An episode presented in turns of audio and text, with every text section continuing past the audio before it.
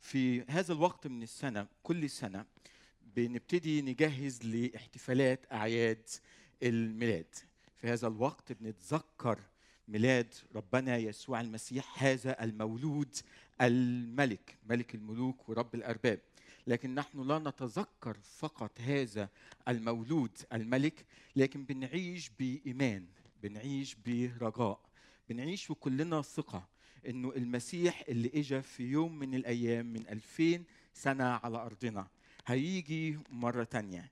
إن كان جاء كطفل لكنه هو الملك وهيجي المرة اللي جاية في المجيء الثاني كملك الملوك كرب الأرباب وإحنا ككنيسة كشعب الله بنعيش على هذا الرجاء.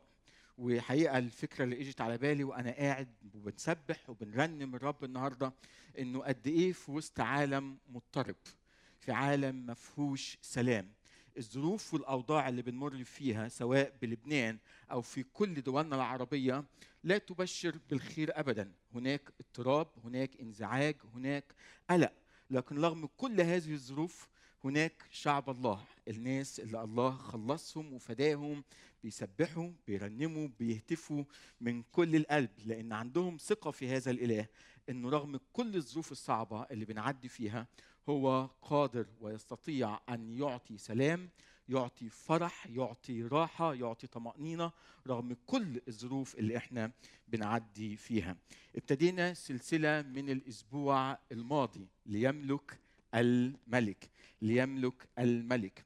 وفي هذه السلسلة أو في أول موضوع فيها اتكلمنا عن هذا المولود الملك الذي يعطي رجاء فهو إله الرجاء هو من يعطي رجاء. يعطي رجاء لأنه هو يستطيع أن يخلص من الخطية. فهذه هي كانت بشارة الملائكة للرعاة. إن ولد لكم اليوم في مدينة داوود مخلص.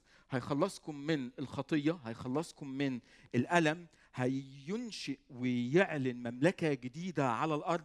هذه المملكة يسود عليها السلام. فعندنا رجاء لأنه بنعبد إله يستطيع أن يخلص. لكن هذا المولود الملك ليس فقط اسمه يسوع أي المخلص لكن اسمه عمانوئيل. الله معانا الله معانا. أوقات كتير وإحنا ماشيين في مسيرة الحياة في وسط الانزعاج والاضطراب اللي إحنا عايشين فيه البعض مننا بيشعر بالفشل بيشعر باليأس بيشعر بيشعر بال بالإحباط. ونتيجة لكل هذه الأمور وبنسمعها في كل بلادنا وخصوصا كمان في لبنان إنه الناس بتفقد حياتها الناس بتفقد بتنتحر لأنه في يأس من من الحياة. لكن وإحنا بنتذكر ميلاد هذا المولود الملك عندنا رجاء. فلا نقدم على الانتحار ابدا لكن عندنا ثقة إنه الله معانا. يمكن بنفشل يمكن في إحباط يمكن في يأس. يمكن حاسين بظلام وأيام سودة ما مرينا فيها في حياتنا قبل كده. لكن عندنا هذه الثقة انه الله معانا. فجاء الله من سماه إلى أرضنا ولد في وسطنا عاش زينا حتى يشعر بينا وهو يستطيع يستطيع أن يعين ويساعد كل شخص مننا. لكن هذا المولود الملك ليس فقط إله يعطي رجاء لكنه إله أيضا يعطي سلام. فهو المولود الملك اللي بيقول عنه الكتاب المقدس إن هو رئيس السلام. فكروا معايا في الأيام اللي بنعيشها. فكروا معايا في لبنان في العراق في كل الدول العربية. اللي بنشوفه كل يوم والأخبار اللي بنسمعها بتقول إنه هناك اضطراب هناك توتر هناك قلق. الناس شعرة بالظلم بالفساد شعره إنه الأوضاع مش بتسير بصورة صحيحة كما ينبغي. الناس تعبانة العالم بيئن ويتمخض ولو هناك رسالة فعلا. محتاجينها في شرقنا محتاجينها ككنيسة محتاجها كل إنسان النهارده. إن كل إنسان صرخة قلبه إحنا محتاجين سلام محتاجين طمأنينة.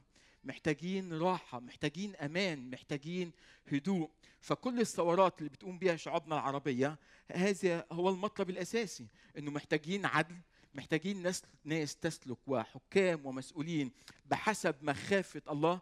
محتاجين نشعر بال بالأمان. إحنا محتاجين سلام. وهذا هو موضوع رسالتنا في هذا الصباح. السلام. المولود الملك يسوع المسيح. الذي يعطي السلام فهو رئيس السلام. حابب أشارك معاكم في هذا الصباح ثلاث نقاط أساسية. النقطة الأولى هي ما معنى السلام؟ ماذا يقصده الكتاب المقدس بكلمة سلام؟ والنقطة الثانية هي كيف يتحقق هذا السلام؟ كيف أنا كإنسان ممكن أحصل على هذا السلام؟ كيف المجتمع والبلد اللي أنا عايش فيه ممكن يحصل على هذا السلام؟ والنقطة الثالثة ما هو دوري كمؤمن؟ دورك دورنا ككنيسة مع بعضينا البعض في تحقيق مشيئة الله إرادة الله رغبة هذا المولود الملك أن يؤسس مملكة على الأرض يسود عليها السلام. حابب نقرأ مع بعضينا رسالتنا النهارده نبوة من أشعياء والأصحاح التاسع. أشعياء الأصحاح التاسع هنقرأ الأعداد من العدد الأول. وإلى نهاية العدد السابع. لكن قبل ما أقرأ هذه الرسالة اسمحوا لي أوضح لكم السياق اللي كانت موجودة فيه. كانت شعب الله منقسم إلى مملكتين مملكة يهوذا ومملكة إسرائيل. مملكة يهوذا في ذلك الوقت كانت بتمر بوقت صعب جدا شبيه بالوقت اللي إحنا بنعدي فيه اليوم. كانت مملكة إسرائيل النص الثاني شعب الله قام بحرب. وفي هذه الحرب استعان بملك أرام ملك إس ملك سوريا في ذلك الوقت. فأصبح شعب الله مملكة يهوذا بتواجه حرب من ليس فقط من مملكة غريبة مملكة أرام المملكة مملكة سوريا في ذلك الوقت لكنها تواجه أيضا حرب من شقيقتها إسرائيل نص شعب الله الثاني اللي انقسم عنهم في يوم من الأيام.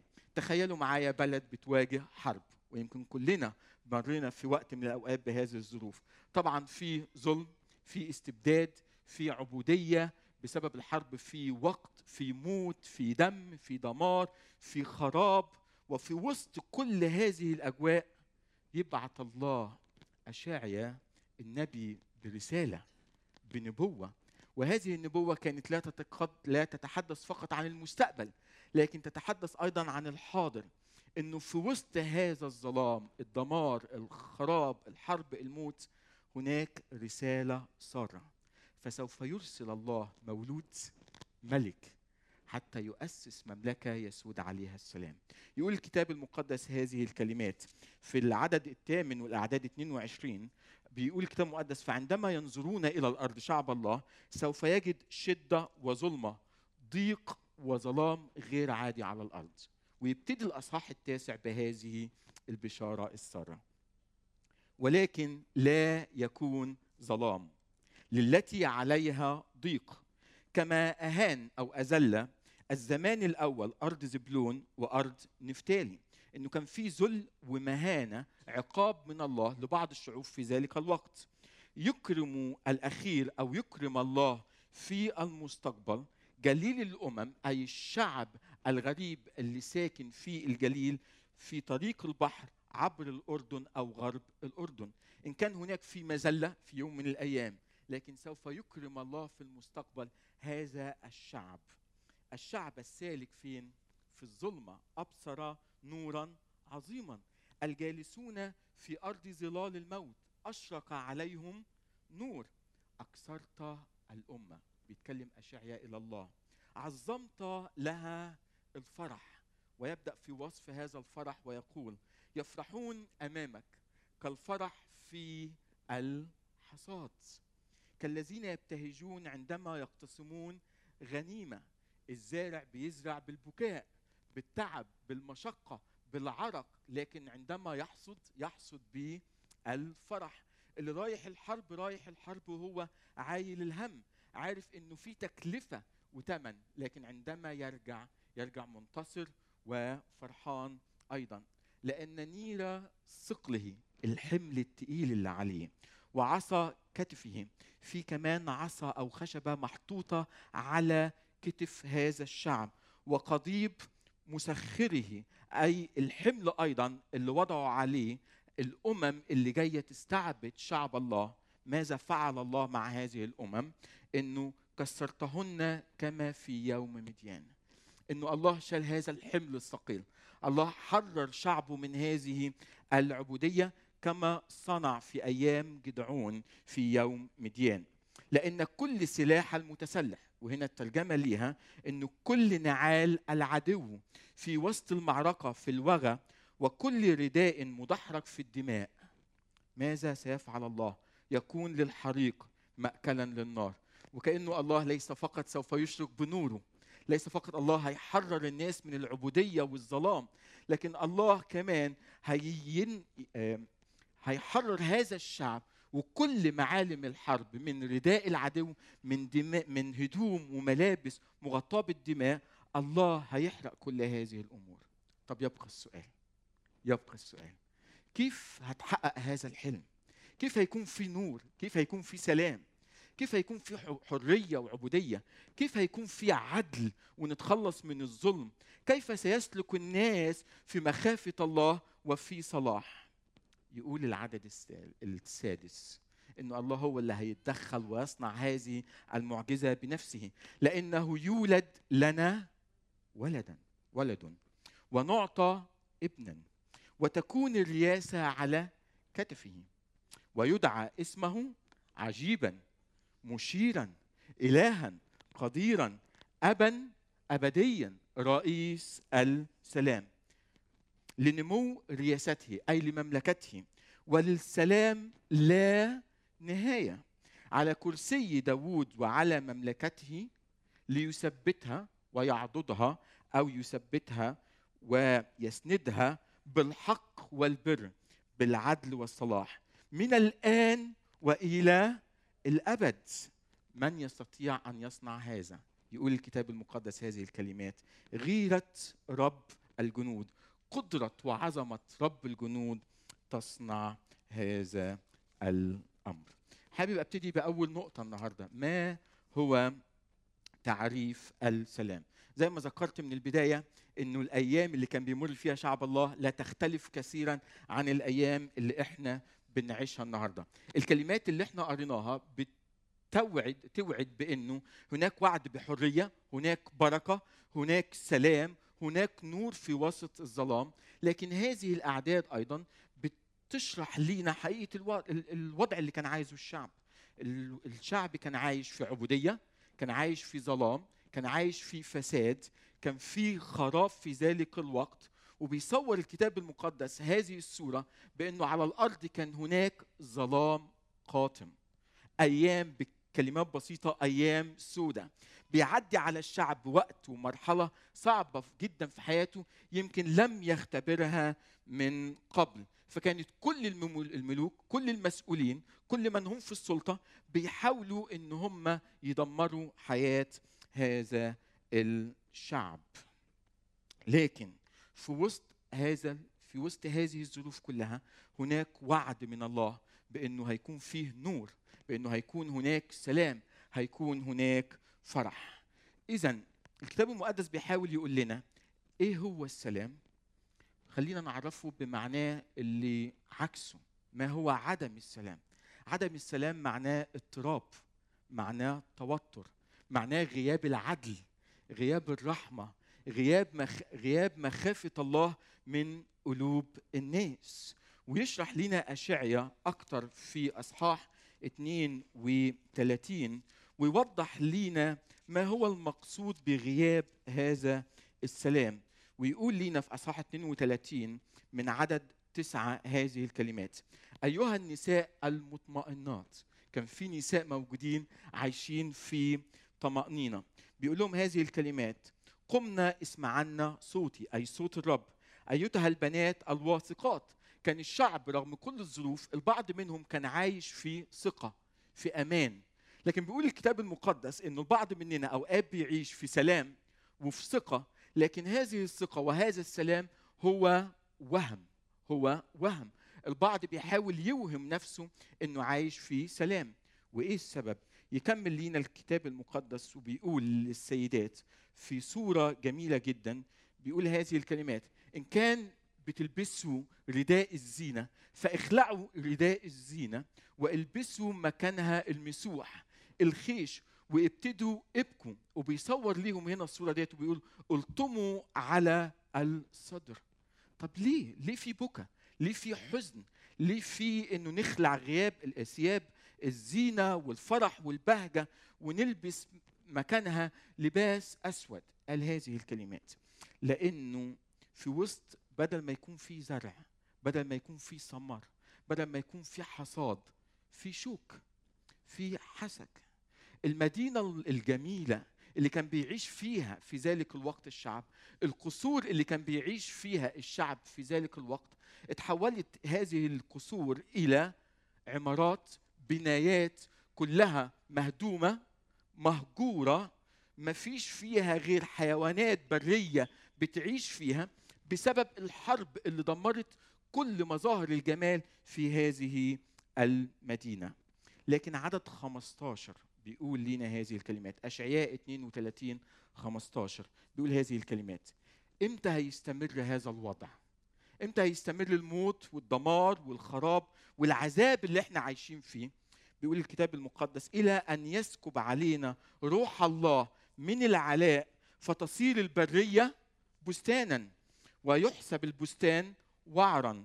فيسكن في البرية عندما يسكب الله من روحه عندما يأتي الله ويغير الواقع اللي إحنا بنعيش فيه فيسكن في البرية الحق و والعدل في البستان يقيم. ويكون صنع العدل سلاما و... وعمل العدل سكونا وطمأنينة إلى الأبد إذا إيه هي الصورة اللي بيرسمها لنا الكتاب المقدس بكل بساطة عن السلام؟ بيقول لنا الكتاب المقدس عن السلام إنه السلام ليس فقط هو سلام داخلي ليس فقط سلام مبني على المشاعر لكن هذا السلام اللي بيقصده الله لكنيسته لشعبه لكل الخليقة هو انسجام. انتبهوا لهذه الكلمات بين مكونات المجتمع المختلفة إنه الله بيخلق المجتمع حتى يعيش بحسب قصده وبحسب مشيئته السلام اللي بينشده الله لحياتك ولحياتي هو خير خيرك هو سلامك أنت. سلام البلد سلام المدينة سلام العيلة سلام البيت سلام الأسرة. هذا هو السلام الذي ينشده الله ليا وليك ولكل الخليقة. لكن هذا السلام إذا ليه جانب اجتماعي. ليس فقط مشاعر ليس فقط غياب الحروب لكن هذا السلام معناها إنه تسير كل الأمور في حياتي في حياتك في علاقاتنا في مجتمعنا. تسير كل الخليقة تعيش وتسلك بحسب مشيئة الله. فاكرين معايا تكوين الأصحاح الأول بيقول إيه الكتاب المقدس؟ إنه عندما جاء الله حتى يخلق كانت الأرض قولوا معايا خربه وخالية.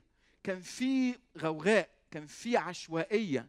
ما كان في شيء منظم ابدا. كان في سواد كان في دمار. لكن في وسط هذا الدمار في وسط هذا الخراب في وسط هذه العشوائية قرر الله أنه يخلق كل شيء من من جديد من عدم. فعندما خلق الله الأرض السماء النور القمر المزروعات المياه الأنهار وخلق الإنسان بدل الله هذا الخراب والدمار إلى شيء جميل جدا. ويقول الكتاب المقدس فعندما نظر الله إلى الخليقة رأى الله انه هذه الخليقة حسنة جدا. وكانه الله جاء في وسط هذا الظلام والخراب والدمار حتى يصنع سلاما. فالسلام بحسب مفهوم العهد القديم إنه يكون في عدالة اجتماعية إنه يكون هناك مخافة الله في قلوب البشر. تخيلوا معايا الوضع النهارده. تخيلوا معايا الظرف اللي إحنا بنعيش فيه. النهارده لو بتبص حواليك في فساد وعن الفساد كما نقول حدث ولا حرج. الفساد موجود في كل مكان لكن ليس فقط في فساد لكن كمان في ظلم.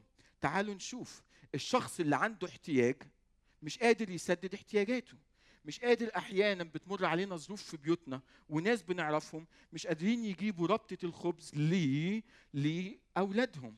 ومش كده وبس اللي عنده احتياج بيزيد احتياجه لكن الغني بيزيد غنى أكتر. كمان صوره تانية من صور الفساد اللي إحنا بنعيش فيها والظلم اللي إحنا بنعيش فيه إن اللي معاه فلوس قادر إنه يتعالج قادر إنه يروح المستشفى قادر إنه يحصل على الأدوية اللي هو عايزها. طب واللي مش معاه فلوس؟ مرمي قدام باب المستشفيات. لا في علاج لا في صحة. الناس مش قادرة تحصل على أبسط حقوقها إنه يتم علاجها. ومش كده وبس. لكن كمان الفساد بنشوفه في كل ظروف الحياة اللي إحنا بنعيشها. فغياب العدل ووجود الظلم وجود فساد وجود عدم مخافة لله لما يكون في عدم مخافة لله جوه قلوب البشر بينتشر الشر وبيقول اشعيا هذه الكلمات لا سلام للأشرار يقول السيد الرب.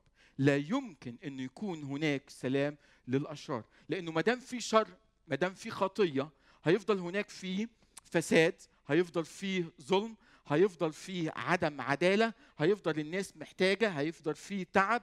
وصرخة الناس عندما تخرج وتصرخ في الشارع سؤالهم هو فين العدل؟ فين الصلاح؟ فين مخافة الله؟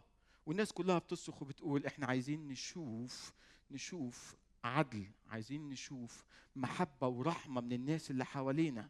لكن الكتاب المقدس بيعلمنا إنه في الحقيقة في الحقيقة إنه الإنسان بنفسه لا يستطيع أن يحقق هذا السلام.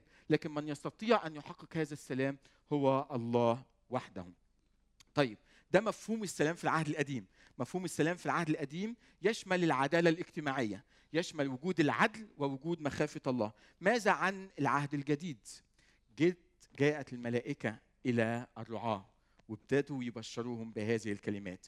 ولد لكم اليوم في مدينة داوود مخلص المسيح الرب. وهذه بشارة مهمة لينا النهاردة لأنه هذا معنى السلام بحسب العهد الجديد أنه عندما يأتي هذا المولود الملك يسوع المسيح هو جاء حتى يخلص الشعب. يخلصهم من الخطية يخلصهم من الفساد اللي موجود في حياتهم يخلصهم من محبتهم لزواجهم وعدم اهتمامهم بالآخرين. جاء المسيح الملك حتى يعيد سلامنا مع الله حتى يغفر لينا الخطية حتى ينقذنا من شر الخطية اللي إحنا عايشين فيه. وعندما يتم خلاص الإنسان عندما يتم خلاص البشرية عندما يتم خلاص الخليقة هنا يتحقق السلام على الأرض علشان كده ظهر مع هذا الملاك جمهور من الملائكة يسبح الله ويقول المجد لله فين؟ في الأعالي وعلى الأرض السلام وبالناس المسرة. فجاء هذا المولود الملك حتى يؤسس مملكة الله التي يسود عليها السلام. وبيقول بالناس المسرة معناها إنه هؤلاء الناس هم يعيشون في مخافة الله في رضا الله بحسب مشيئة الله بيعيشوا حياة مستقيمة. إذا مفهوم العهد الجديد عن السلام يشبه كثيرا مفهوم العهد القديم بأن الله سوف يرسل هذا المولود الملك رئيس السلام حتى يؤسس مملكة يسود عليها السلام. لكن هل هذا السلام في الكتاب المقدس يشمل سلام اجتماعي فقط؟ بيقول الكتاب المقدس لا. لكن هناك أبعاد أخرى في السلام. هناك سلام في المجتمع والبلد اللي إحنا بنعيش فيه لكن يحدثنا الكتاب المقدس أيضا عن سلام في علاقتنا مع الله.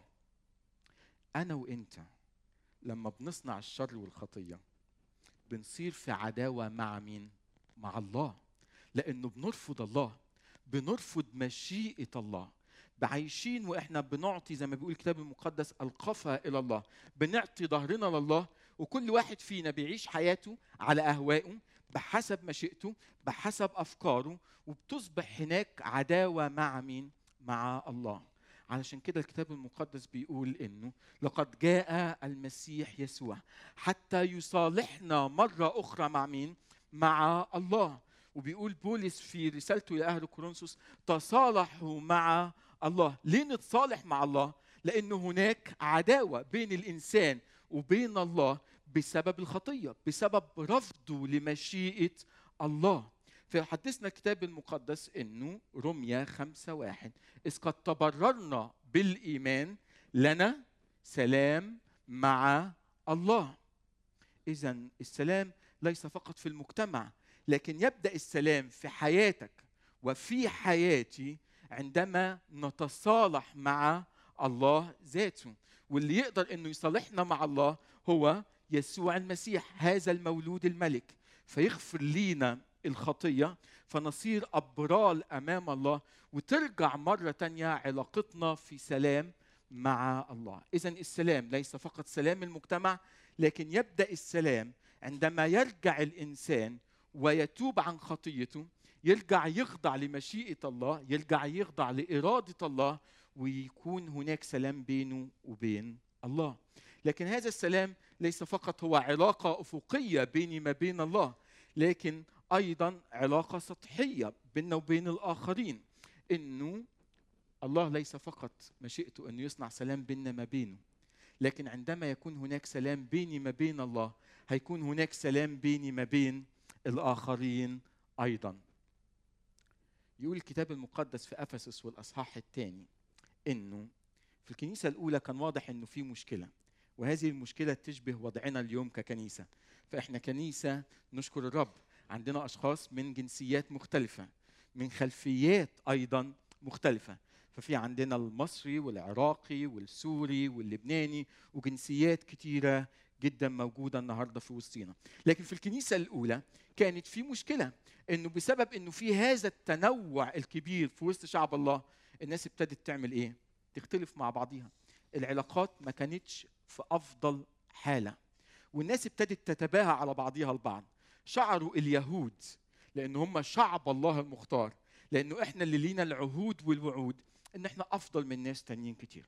وده بيشبه وضعنا إحنا النهارده في الكنيسة إنه اللي اتولد في بيئة مسيحية في بيت مسيحي دائما بيشعر إنه أفضل من أشخاص جايين من خلفيات غير مسيحية.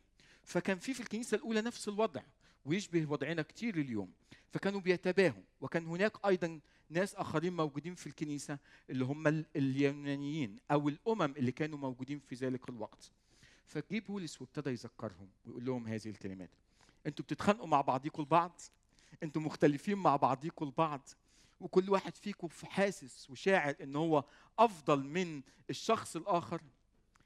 بيقول بولس هذه الكلمات اوعوا تنسوا انه المسيح هو سلامنا انه المسيح هو من صنع السلام في وسط شعبه وفي وسط كنيسته.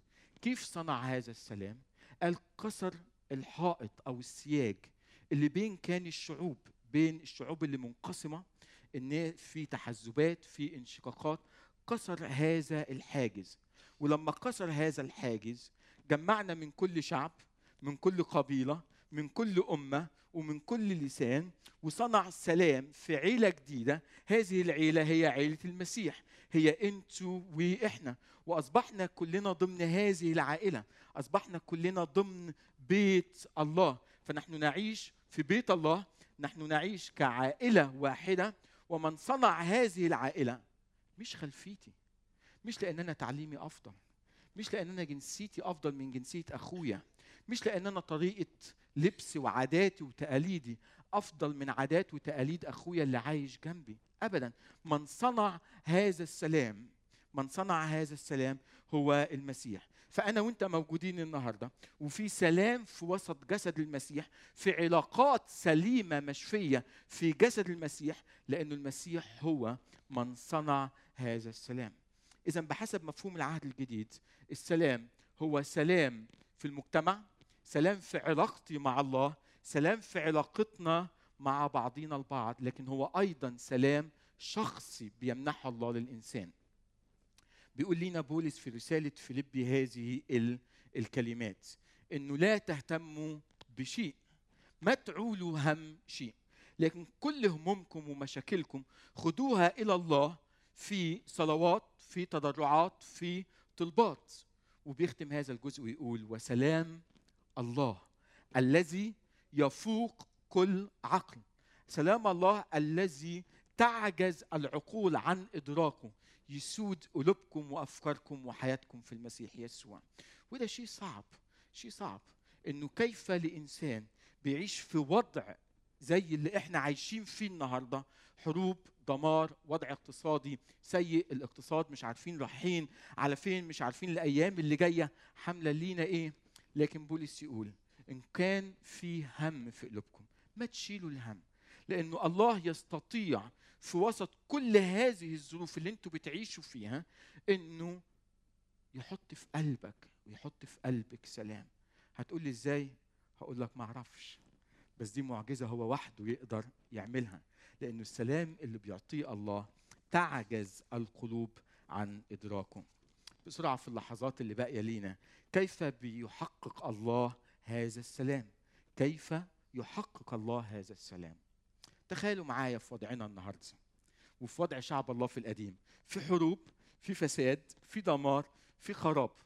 من وجهة نظر البشرية ومن وجهة نظرنا كبشر النهارده لما البلد بتمر بظروف صعبة بنعمل إيه؟ بتحاول البلد والمسؤولين زي ما كان شعب الله في القديم إنه يدور على بلاد تانية على حكام وملوك أقوياء يصنع معاهم تحالف علشان يضمن سلامته ويأمن احتياجات شعبه. ويجي الله في وسط كل هذه الظروف الصعبة ويقول لهم خبر غريب جدا جدا. إنه أنا هصنع سلام. أنا سوف أحضر نور في وسط هذا السلام في وسط هذا الظلام. هيكون في عدل وهيكون في صلاح. طب كيف هتصنع؟ هتبعت لنا ملك عظيم؟ هتبعت لنا إنسان عنده كل القدرة والقوة إنه يصنع مثل هذه الأمور؟ يقول البشر مش ممكن يقدروا يصنعوا هذا السلام. لكن سوف أرسل ليكم طفل مولود. لكن هذا المولود هو ملك. ومن وجهة نظر بشرية ده صعب. كيف يمكن لطفل كيف يمكن لمولود إنه يصنع سلام لأمة ولشعب؟ يقول الكتاب المقدس أصل هذا السلام مش هيقدر يصنعوه البشر. لكن ده تدخل إلهي. ده شيء الله هيقدر يعمله في وسط شعبه. مش بحسب مفهومنا مش بحسب إمكانياتنا مش بحسب قدراتنا سوف يصنع الله سلام. لكن هذا المولود الملك يسوع المسيح اللي بشروا الملائكة بالرعاة وقالوا عنه إنه هذا هو المولود الملك هو من يصنع سلام. اذا كيف بيتحقق السلام على الأرض؟ الله بيقول أنا بعت يسوع المسيح. من ألفين سنة إنه هذا الطفل المولود هو ملك الملوك هو رب الألباب. لما بعته لأنه هو وحده من يستطيع أن يؤسس سلام. سلام على الأرض سلام في المجتمع سلام في حياتنا سلام في العلاقات. هيرجعنا مرة تانية ويردنا إلى الله فيصبح عندنا سلام مع الله. طيب ما جه يسوع المسيح؟ مش جه يسوع المسيح من ألفين سنة؟ ليه لسه عم بنختبر هذا الألم؟ ليه لسه بنختبر الظلم والفساد والعدل؟ لأنه لسه ما وصلناش للسماء. فإحنا عايشين بين المجيء الأول وبين المجيء الثاني. فصحيح جاء المسيح يسوع هذا المولود الملك حتى يؤسس مملكة الله هنا على الأرض. فعندما يملك هذا الملك على حياتك وعلى حياتي يكون لي سلام مع الله يكون لنا سلام مع بعضينا نكون صانعي سلام فنرفض الظلم والفساد من قلوبنا نطرده من قلوبنا ونعيش في مجتمع نصنع فيه مشيئة الله ومخافة الله. لكن وإحنا عايشين بننظر للخلف على هذا المولود الملك لكن عندنا إيمان إنه اللي جه في يوم من الأيام طفل. هيجي مرة تانية ملك منتصر يستطيع أن يحقق هذا السلام على الأرض. اذا كيف يحقق الله السلام على الأرض؟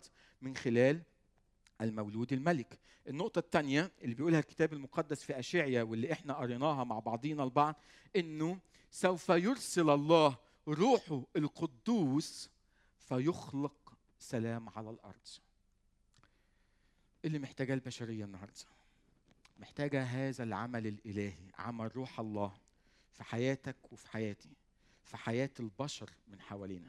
فيبكتنا على الخطية يبكتنا على الشر يبكتنا على الفساد والظلم والدماء اللي موجودة في إيدينا. وعندما يبكتنا الله على خطايانا من خلال عمل الروح القدس فينا نرجع مرة تانية نتوب. نرجع مرة تانية إلى الله. تطهر قلوبنا من خلال عمل الله في حياة كل واحد فينا. لكن روح الله أيضا سوف يخلق العدل ومخافة الله في قلوبنا. ودي نقطة مهمة النهاردة. إنه بنتساءل كلنا إنه عايزين نعيش حياة فيها سلام. أنا فاقد السلام في حياتي فاقد السلام في علاقاتي فاقدين السلام في المجتمع اللي إحنا عايشين فيه. الله بيقول لك النهارده أنا من خلال روح القدوس فيك من خلال عملي في حياتك من خلال عملي في المدينة والبلد اللي أنت عايش فيها أنا أستطيع أن أحضر هذا السلام مرة تانية. طب كيف هتاسس هذا السلام؟